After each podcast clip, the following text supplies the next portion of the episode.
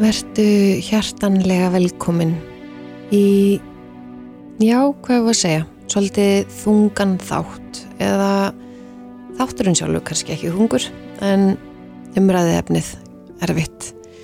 Ég vil byrja á því að vara þær við sem eru ekki tilbúinar að heyra uh, sögur af kynferðis ofbeldi að býja með þennan þátt þanga til að þær eru tilbúnar til þess. Þátturinn dag heitir Upprisan og ég fæ hafði þessi ljósmóður vinkonu mína til mín og við ræðum aðeins um hvernig er ljósmæður vinna með þólendum kynferðisóbeldis í tengslum við meðgöngu og fæðingu. Og svo kemur hún til mín, hún Guðlegu Marín og segir söguna sína. Ég hvet ykkur sem að treysta ykkur til að hlusta. Það er mjög margt fróðlegt sem að það er báðar hafa fram að færa og takk kæru hlustendur fyrir að vera með í kviknar hlaðvarpi.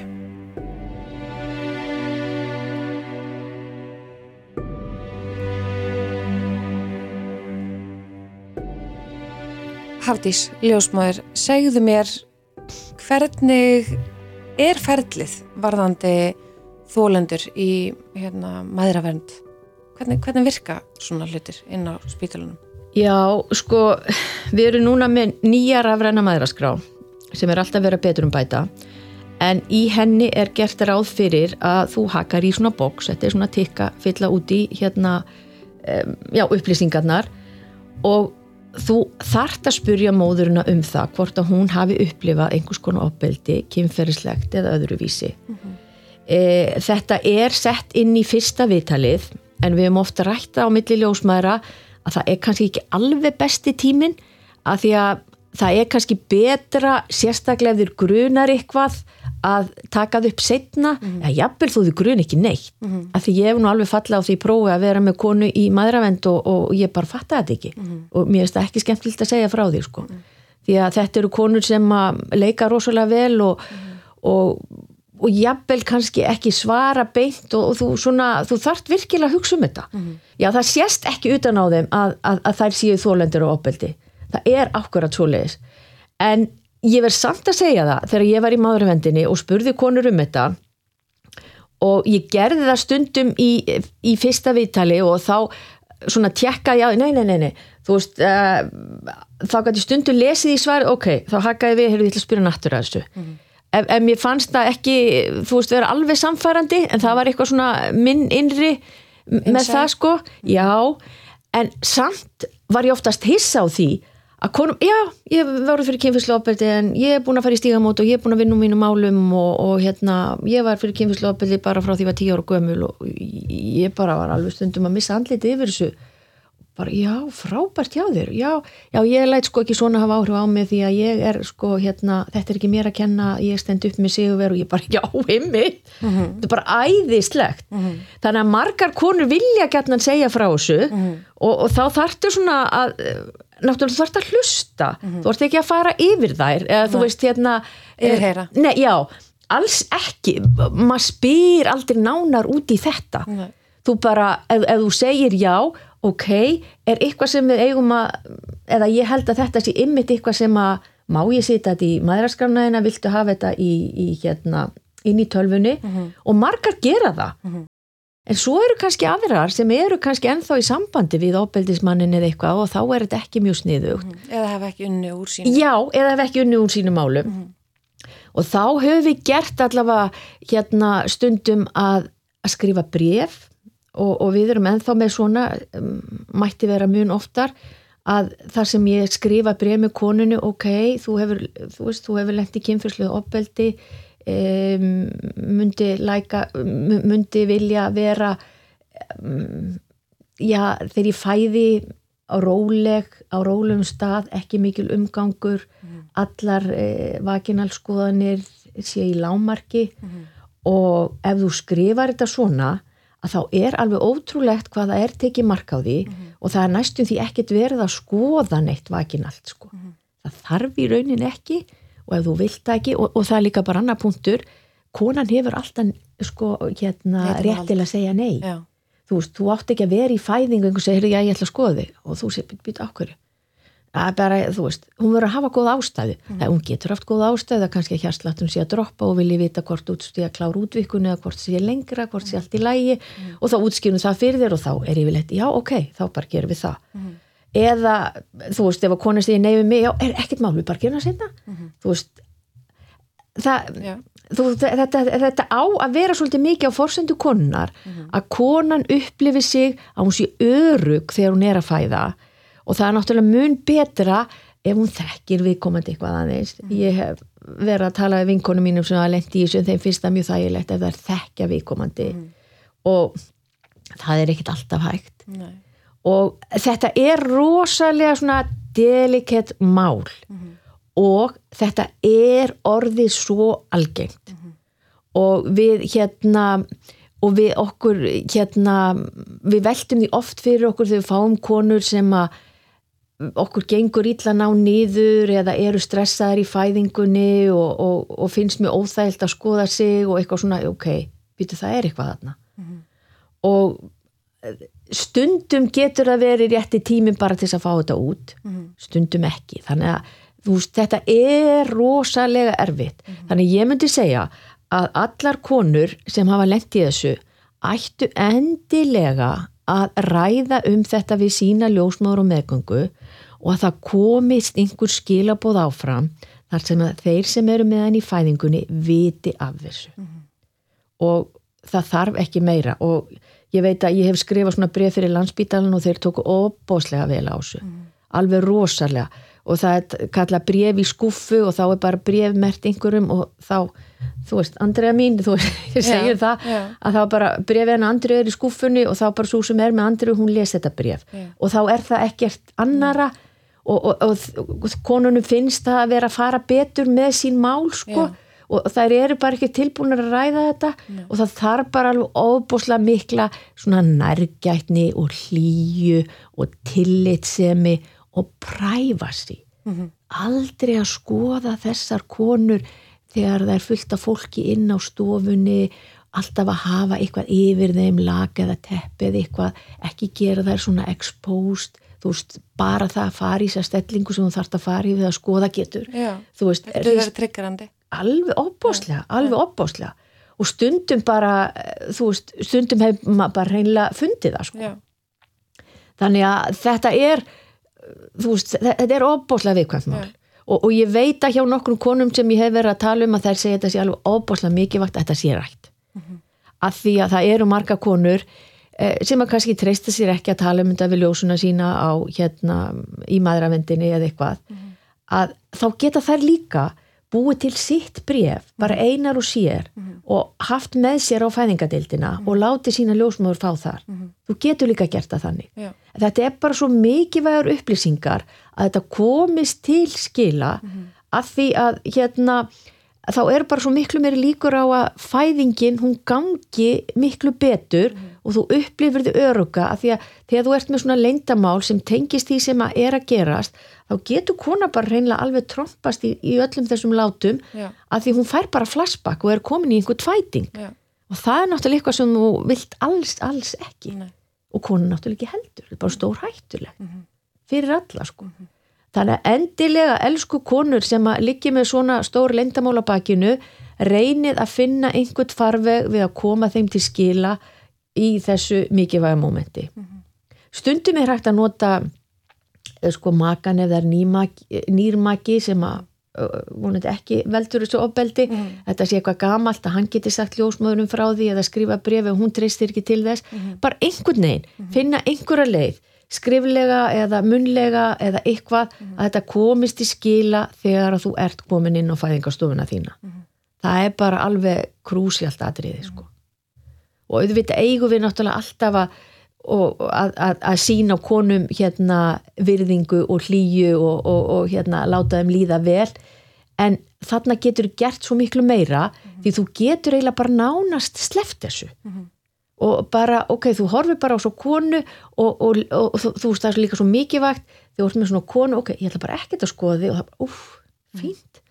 Og svo kannski byður hún um það í restina ég vil endi því, það er allt í læg Mhm. fínt, en þú veist að hún finni að það er verið að fara á hennartakti en ekki mínum sem ljósmóður eða einhver aðra ljósmóður. Já. að hún ekki ræður. þetta, e, þú veist, í rauninni að fara eftir hverju konu fyrir sig en ekki fara hérna en við hefum að skoða á fjára tíma fresti. Já, nei, nei, nei, Nei. nei, alls ekki.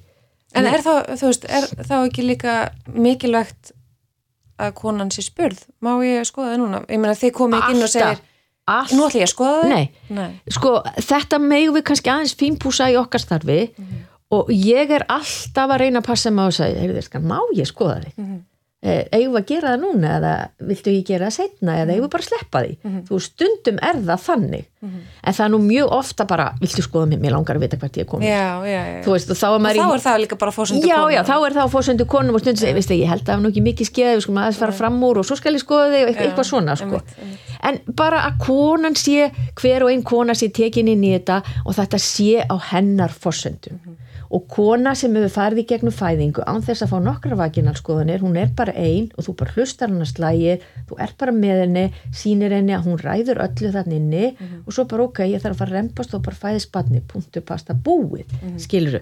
Svoleiðis gerum við alveg við þessar konur ef þær vilja það. já, Þú veist, allt náttúrulega inn, innan þeirra marka allt sé í góðu lægi, sko. einmitt. frábært mjög mikilvægt þetta er, þetta er það Já. Mér fannst þegar ég var að læra kannski einn ein punktu, það var einhver japansk ljósmóður sem hafði fæðingarheimili og þar fætti alveg fullt af konu hjá henni, hún skoðaði aldrei vakinalt, aldrei.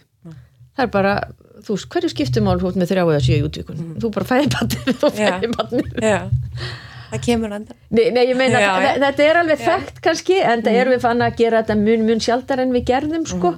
Og, og all, alls ekkit æskilegt að það getur bæði verið sko hvetjandi og letjandi að Einmitt, vita einmitt. hva, hvað þú ert komið í útökun sko. Já, það getur þannig blað, þetta er trikki, sko.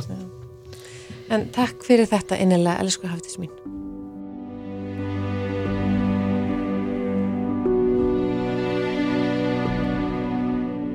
Ég fengi hana til mín hana Guðlaugu Marín til þess að deila sögunni sinni með okkur. Við erum í þætti um ofbeldi kynferðis ofbeldi og áhrif þess á um, meðgöngu og fæðingu. Og hún hafði samband við mig þegar ég auglýsti eftir viðmælendum. Og ég er svo þakklátt að þú skildir vilja tala við okkur vegna þess að eins og ég hef sagt við þig það er svo ótrúlega mikilvægt að konur eins og þú stýji fram til þess að hjálpa okkur hinnum að komast í gegnum það sem við höfum upplifað. Og ég dáist að þér. Þú ert, þú ert bara hetja í mínum augum og samt ekki því ekki neitt. En, en fyrirmynd þú veist, fyrir aðrar konur og fyrir aðrar stúlkur sem að eru að vaksa upp og fyrir þína eigin dóttur segðu mér frá sögunni þinni hvað, hvað kom hvað kom fyrir í lífinu þínu hvað breyttist Já, um, uh, ég var sem sagt uh, hjá mamma og pappa það voru fyrir jólinn 2014. Uh, ég var sem sagt að gista hjá þeim, ég bjó í bænum þá og um, það var svona ball upp á Akranesi. Þannig að ég ákvað að fara bara með mínum vinum og hérna fór í sagt uh, fyrirparti fyrir það og við fórum svo öll á ballið og skemmtum okkur bara gríðarlega vel. Um, ég sagt uh, lappa svo út af ballinu, búin að týna öllum og ákvaða að fara bara heim og ég rættaði mig bara að fara heim til mamma og pappa, gerði mig bara til fyrir hátinn og fór bara að sofa.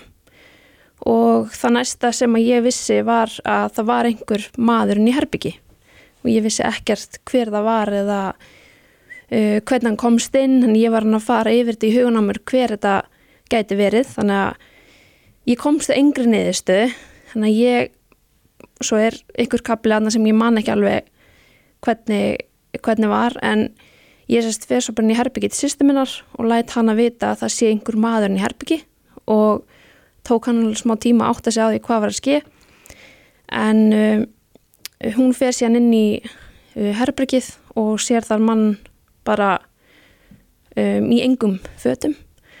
Og uh, við það vaknast pappi og mamma og bróðu minn og hérna og þá byrjaði bara þessi atbyrðars laurögn kom á svæðið, handtók mannin og ég var sendbynd suður í tökur bara svona sínatökur og, og hérna um, fór síðan daginn eftir í skýslutöku hjá lauröglunni og mér var sérst útlutaður lögfræðingur og um, ég átti að taka ákverðun hvort ég myndi kæra eða ekki. Það tók mig alveg smá tíma að ákveða hvort ég ætla að kæra eða ekki. Og ég hafði rauninni ekkert ég lifði bara pínlítið í minni búblu þannig ég vissi ekkert hvernig þetta gengi fyrir sig eða hverju var líkunar ég myndi vinna þetta. Ég vissi alltaf að líkunar er eiginlega aldrei með þólendum í hag. Þannig að ég rauninni er þá að fara svolítið á móti strömmnum en eftir að hafa ráðfært við mig við lögfræðingin og fjölskyldumæðlumi og fleira þá ákvað ég að kæra. Mm -hmm. og mér var útlitaði sálfræðingur líka, hún ringdi bara í mig hann að milli jólun jás og ég ákvað að taka því strax út af því að ég fann bara að ég var ekki ég sjálf. Mm -hmm. ég var hrættum að verða bara klikkuð mm -hmm. ef, að, ef ég má segja það.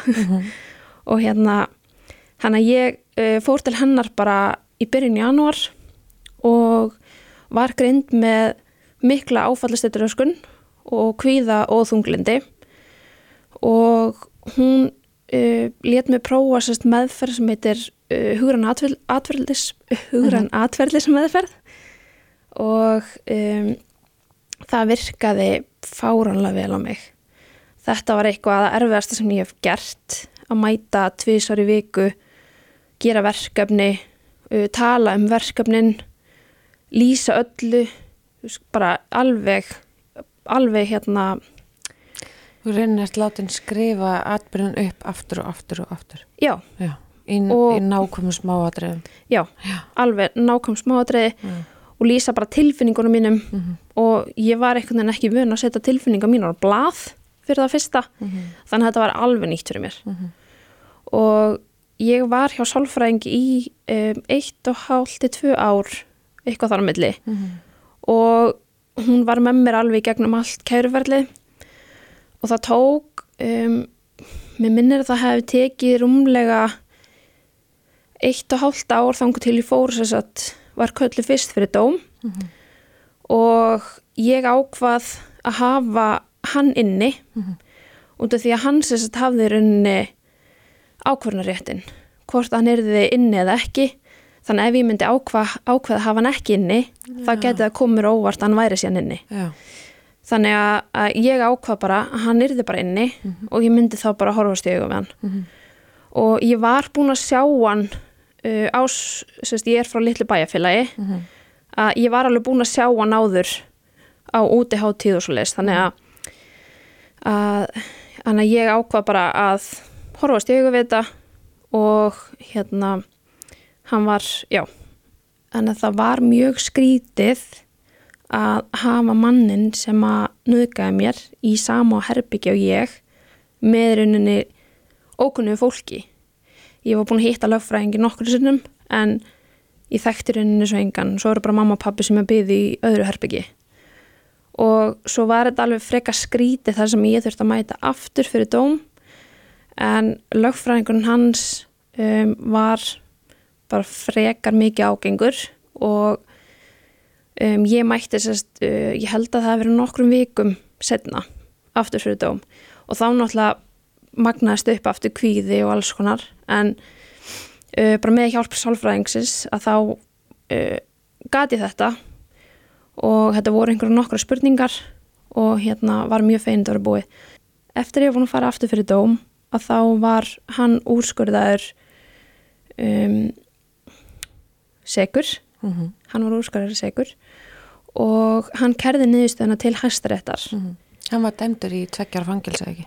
Jú, hann Já. var þá dæmdur í tveggjara fangilsi mm -hmm. og þá náttúrulega fór aftur sama ferðlirinn á stað þannig að maður þarf aftur að býða og vera stressar á meðan og býða eftir þessum degi það kom einhver dagsetning og, og hérna svo færðist hún minni með einu sinni þannig að þetta var mjög stressandi. En uh, ég sagt læriði líka frá sálfræðingnum að ég átti að halda bara minni rútínu, alltaf. Ég þurfti bara að lifa lífinu eins og ég gerði áður en það áður en aukunum var átti sér stað. Þannig að, að ég til dæmis fór á þjóðátíð ég fór á hérna uh, íska daga. Ég gerði, fór á djammi með vinunum ég fór á spilakvöld. Bara gerði allt sem ég gæti gert til að fylla upp í tíman eins fór ég í vinnuna á hverjum einasta degi og en af því að hann áfriða að þá þurfti ég að fara í gegnum allt ferðli aftur. Og byðin var mjög erfið. En í óttabér 2016 þá um, var hann dæmdur dæm, dómurum var þingdur hann var dæmdur í 2,5 ár í stæðan fyrir 2 og um, á þessum tíma var ég líka að kynnast barsverði mínum. Þannig að þetta var rosalega mikið á sama tíma. Uh, ég lærði svo mikið af sálfræðingunum, hún kendi mér bara gríðilega margt og já, henni er henni bara alltaf þakka, hún er æðisleg. Og er bara mjög þakklátt fyrir að hún hafi verið svo sem ringdi mig og ég fekk aðstæðina Hvað fannst þér þú fá mest út úr því að vera í þessari meðferð, meðferð hjá sálfræðingnum uh, sem að nýttist þér í rauninni til þess að komast í gegnum alla þessa erfileika? mm Ég lærði í rauninni að hafa stjórn á tilfinningunum mínum. Já. þegar ég fann að ég var að verða kvíðin eða fann að það var að hellast yfir mig eitthvað ský eða ég var leið þá vissi ég bara, ég þyrfti bara að líða svona í smá tíma. Ég þurfti að spyrja sjálfa mig hvað get ég gert?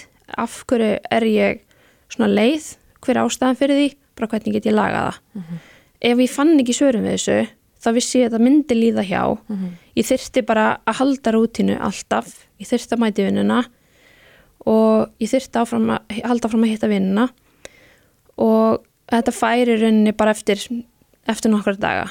Þannig að sama hvað þá mátti ég ekki uh, fara úr rútinu eða missa dampin en svo núna hef ég lært að það kemur einn og einn dagur. Þú veist þetta gerist kannski fimm sem ári að ég verði eitthvað leið eða pyrruð eða bara ég ræði ekki við veit ekki hvað er að ángra mig.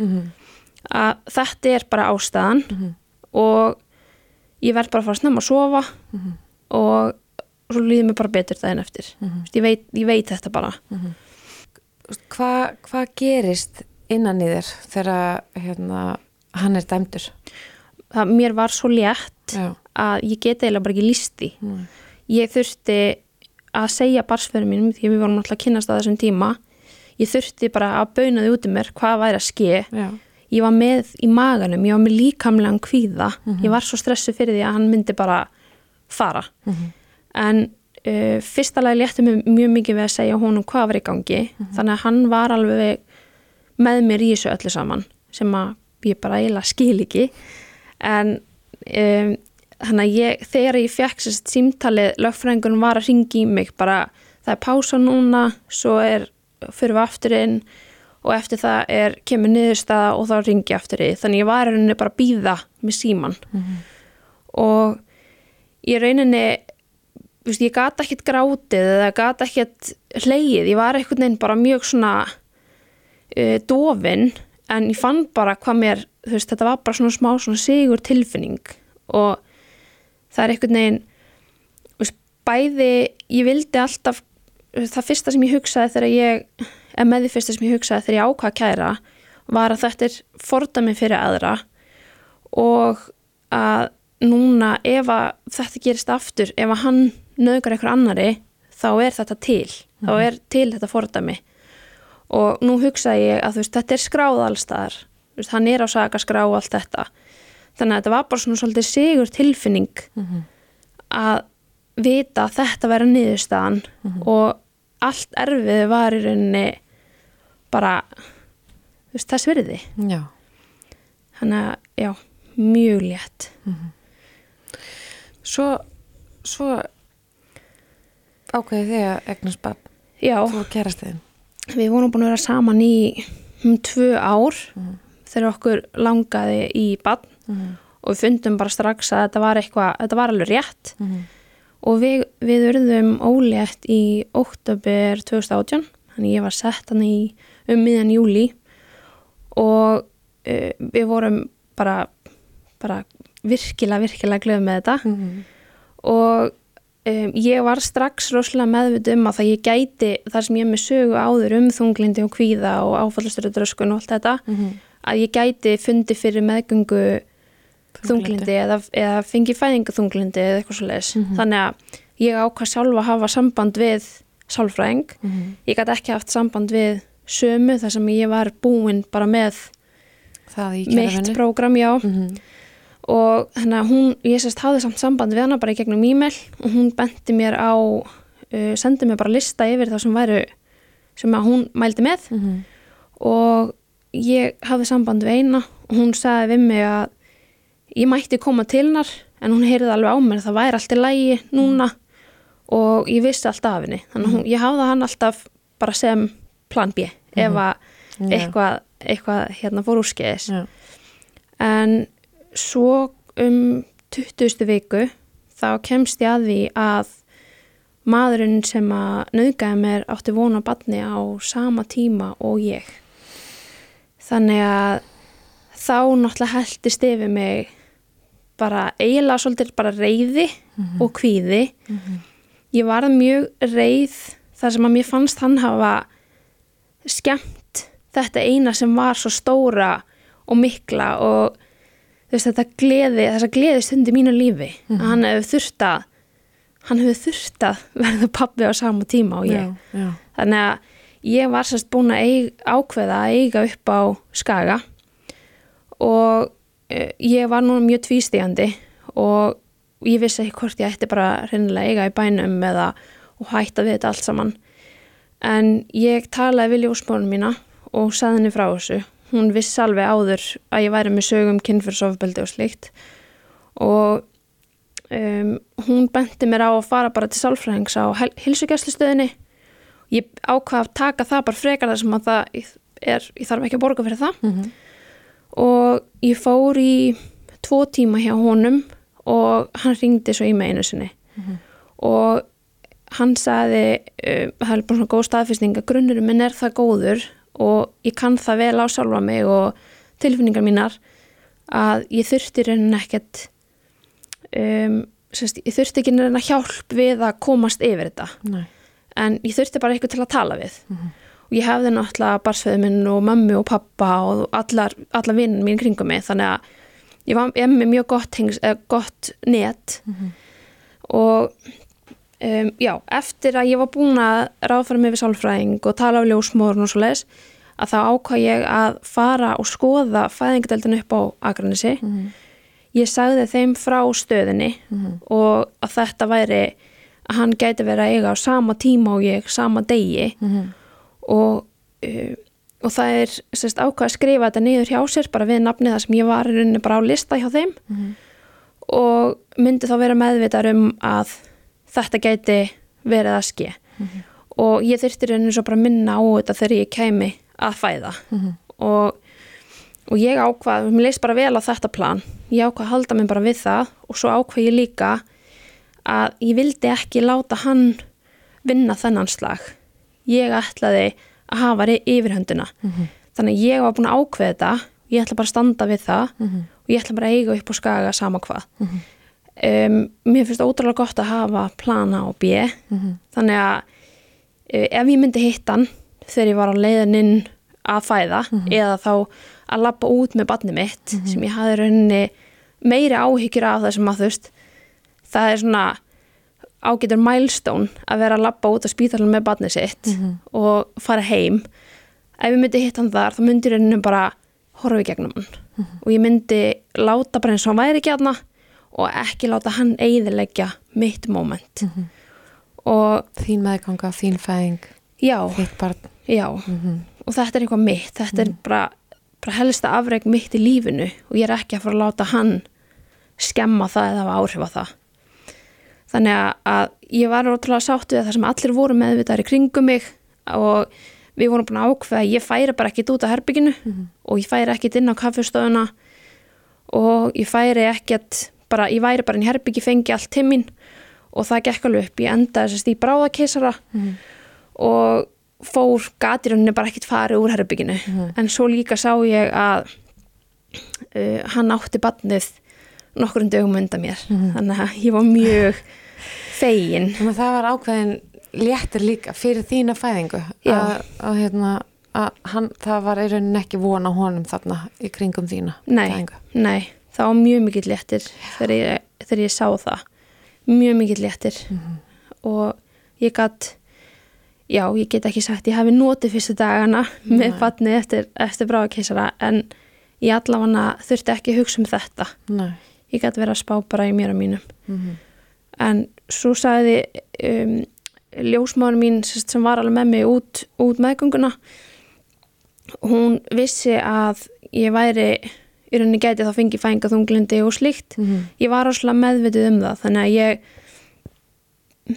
ekki þannig að ég hérna um, var sjálf ennþá mjög meðvituð Mhm. og heimaljósa mín var bara indislega alla staði. Og, og ég hef ekki ennþá, ennþá dag í dag fundið neitt fyrir neinu. Og hún er að verða einsás núna eftir, eftir nokkra daga. Þannig að já, en þetta náttúrulega getur alltaf skeið næsta meðganga, ég veit það ekki. Ef ég verð svo heppin eignast annað bann í framtíðinni. Þannig að verð, maður verður alltaf stanslust að vera meðvitaður og stanslust að vera að vinna í þessu því að þetta er, er mjög auðvelt að missa bara tökin. En já, Hvað myndur þú vilja þú veist, hvað myndur þú vilja segja við stelpur í konur í þínum sporum? Að hafa orðið fyrir svona ofbeldi og eiga síðan vona barni og, og þínar kannski aðstæður í þessu tilfelli þú veist einhvers konar innan gæslepa einstæmi en samt ekki, bara allar þessar tilfinningar þessi, þessi ótti og þessar ágjöra af sveiflum og, og veljan og vanlíðan og allt þetta. Þú veist, hvað myndur þið verilega segja við þær sem að eiga vona barni og hafa lendi í því sem að þú hefur lendi uh, að leita sér hjálpar er náttúrulega nummer 1, 2 og 3 og það er ógæðslega erfitt. Og það er ekkert hlupið að því bara að panta sér tíma og náttúrulega miklu öðveldur að segja þetta heldur en að actually gera þetta. Já, en það er bara svo ótrúlega mikilvægt. Og þetta bjargaði mér. Bara, ég væri ekki á sama stað í dag ef ég hefði ekki farið til sálfræðings, leita mig hjálpar farið, ekki fyrir mig hendaði hugurinn atverðlismeðferð Mhm. en það kannski hendar ekki öllum. En allavega að taka skrefið fara til sálfræðings og grunnvinnan er svo mikilvæg. Ég held að það hefur þetta hefur 100% hjálpað mér að vera með góðan og sterkan grunn. Og líka bara veist, eins og við vorum að ræða maður bara ákveðinu er svo hún kemur alveg okkurlega langt. Já. þannig að vera bara fastur á sínu. Standa fast á sínu. Já. Já. og en bara ekki vera feimin, ekki vera hrættur við að leita í hjálparið, það er ekkert það er ekkert tabú, það er ekkert að því. Það er nefnilega ekki neitt til að skamma sín fyrir. Bara ekki neitt, Nei, það er bara lífsnöðsynlegt já. Held það er ég. bara, já, það, þetta er náttúrulega þetta er rosalega stórt skref fyrir konur sem hafa gengið í gegnum svona hræðilega hluti að segja frá Mhm. og leita sér hjálpar en það er, það getur bjargað Mhm. og eins og við kannski er mikilvægt að tala um að uh, það er svo gott að vinna úr áföllunum sínum uh, áður en að við eignum barn og 100%. auðvitað, þú veist, náttúrulega bara hvena sem er en ef að, ef að kona hefur lent í svona hlutum að og ef hún hefur tækifæri til þess áður en hún eignast barn að vinna úr sínum áföllum að þá er það náttúrulega og eins og í þínum tilfelli þú ert búin að gera allt sem mögulega gast Mhm. og átt síðan vona barni og, og segir einmitt, þú veist, sá grunnur Mhm. var svo mikilvægur fyrir þannig að þú varst alltaf meðvituð um þína líðan og sveiflutnar og, og allt þetta já, og það er, já, það er það skiptir máli, já það skiptir bara öllu máli. Já, en ef að það er ekki hægt að vinna í svo áðum og róléttur já. að gera það þá á einmitt, og það kostar ekkert að fara til sálfræðings á heilsugesslunni þannig að bara nýta sér það já, og fá tíma. Já, ef að hann hendar ekki já, að þá bara leita annað. Já, því það er unni, ég hugsaði líka já þetta er ótrúlega dýrt að fara til sálfræðings en ef að þetta er að fara bjarga mér mhm, að þá er ég til í að eyða öllum mínum peningum í þetta. Já, ég vil ekki ég vil ekki þurf, að þurfa að kljást við allar þessar hugsanir og allar þessar tilfinningar bara einum í sjálfum mér. Nei, ég bara myndi springa. Já. þannig að bara, í- Og við springum náttúrulega, við förum yfirum það er nefnilega, það er staðrendin, við förum náttúrulega yfirum ef við sitjum einar með allt, algjörlega. Um, en eins og að nefna þetta við ljósmaðurnar, veist, uh, fannst þið það ekki hjálpa þér? jú, ég hefði hún spurði mig bara strax og ég pantaði tíma í maðuraskoðun hún spurði mig hvort það væri einhver saga um kynfyrsofbeldi eða ok, einhver áföll. Þannig að ég sagði henni það strax og Ok. ég vissi líka að ég þyrfti að gera það. Já, því að ég var rosalega hrætt um að ég myndi fá meðgengu eða fæðingu þunglindi Já. þannig að ég sagði henni þetta bara strax Mhm. og mér finnst líka mjög bara ég veit ekki að segja fallegt kannski mhm, að ég var alltaf spurð og því þetta var í skránu minni þá var ég alltaf spurð, þú veist, er í lægi að ég fara að skoða þið núna mhm, veist. en mér fannst ekkert neitt óþægilegt líkamlega mhm, eða neitt slíkt Mhm. og það var bara andlega sem að ég var hrættum mhm. þannig að, að já, Og það er svo misjamt, á, Já. á sumar konar hefur þetta gríðarlega áhrif á líkamlega algjörlega. líðan já, og aðrar andlega og, og sumar bá, bæ, bæði. Þannig að hérna þetta er svo, þetta er svo gott dæmi um já, mikilvægi sko andlerar líðanar og hérna tengt meðgangu og fæðingu. Algjörlega. En hérna nú hugsa ég dóttir þín. Mm þú, þú vilt í rauninni segja þína sögu meðal annars já, hennar vegna. Já. Segja mér af hverju. Mér finnst rosalega mikilvægt að hún viti uh, mína sögu og ég mun segja henni stolt frá þessu einn daginn.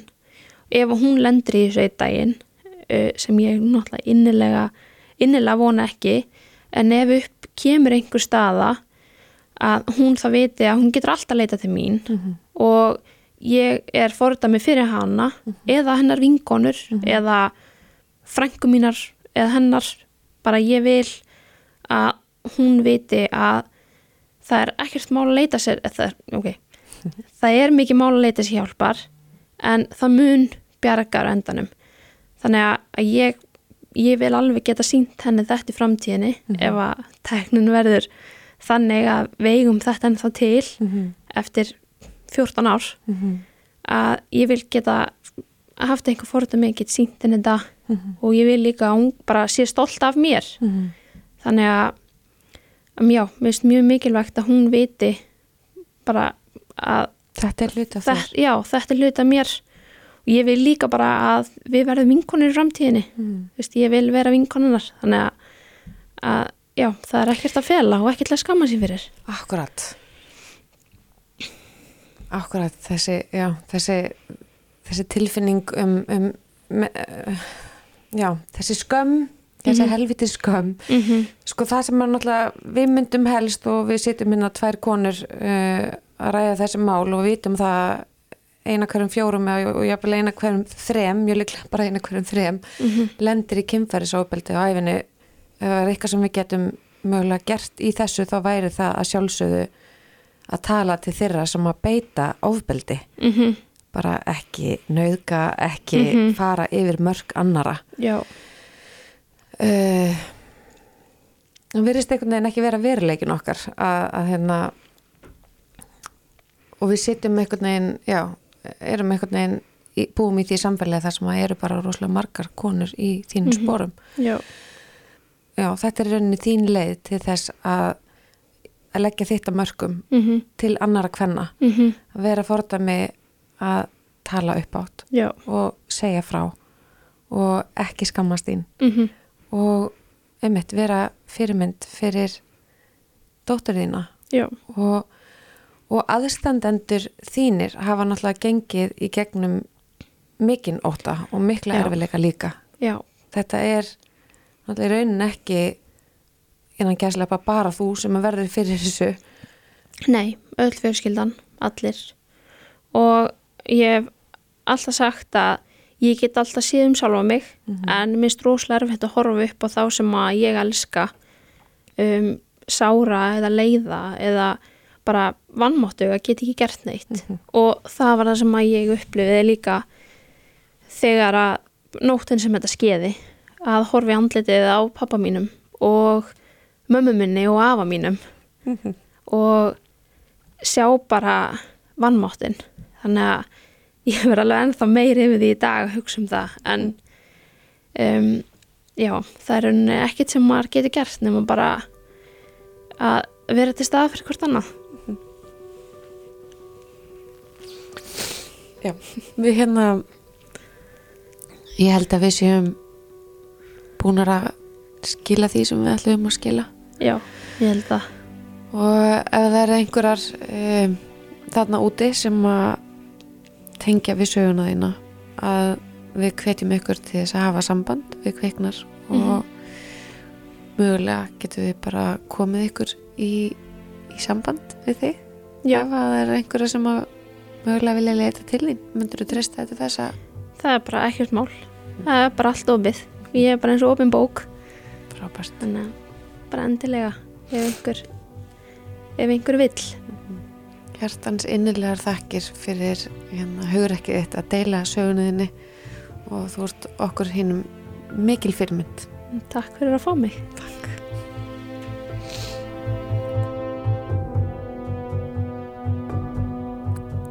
Takk fyrir að hlusta í dag. Elsku kviknar samfélag. Þetta var erfiður þáttur. Stundum er allt bara mjög erfitt og stundum byrstir til og bæði og báðar þessar konur uh, Hafdís og Guðlög fá mig til þess að sjá dagana örlítið fallæri örlítið bjartari þegar mér finnst þeir vera dimmir Ég vona að ykkur líði eins. Ég vona að þær Ég vona að þær berji svona byr í brjósti ykkar eins og mínu. Takk aftur fyrir að hlusta.